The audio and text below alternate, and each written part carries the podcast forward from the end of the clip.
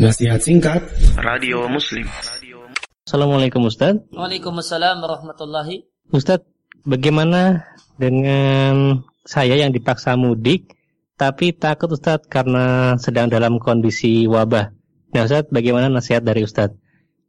Uh, ini pertanyaan siapa yang maksa siapa? Uh, anak dipaksa orang seorang tuanya anak. atau, atau Seorang dipaksa pulang oleh orang tuanya Ustaz sepertinya Ustaz. Jika anak diminta sama orang tuanya untuk mudik di suasana wabah corona ini, maka jika orang tua harus meminta dan tidak bisa dinego, maka wajib taat.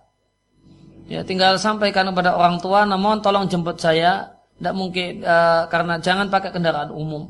Jadi dijemput atau berangkat sendiri dengan kendaraan pribadi yang aman. Ya.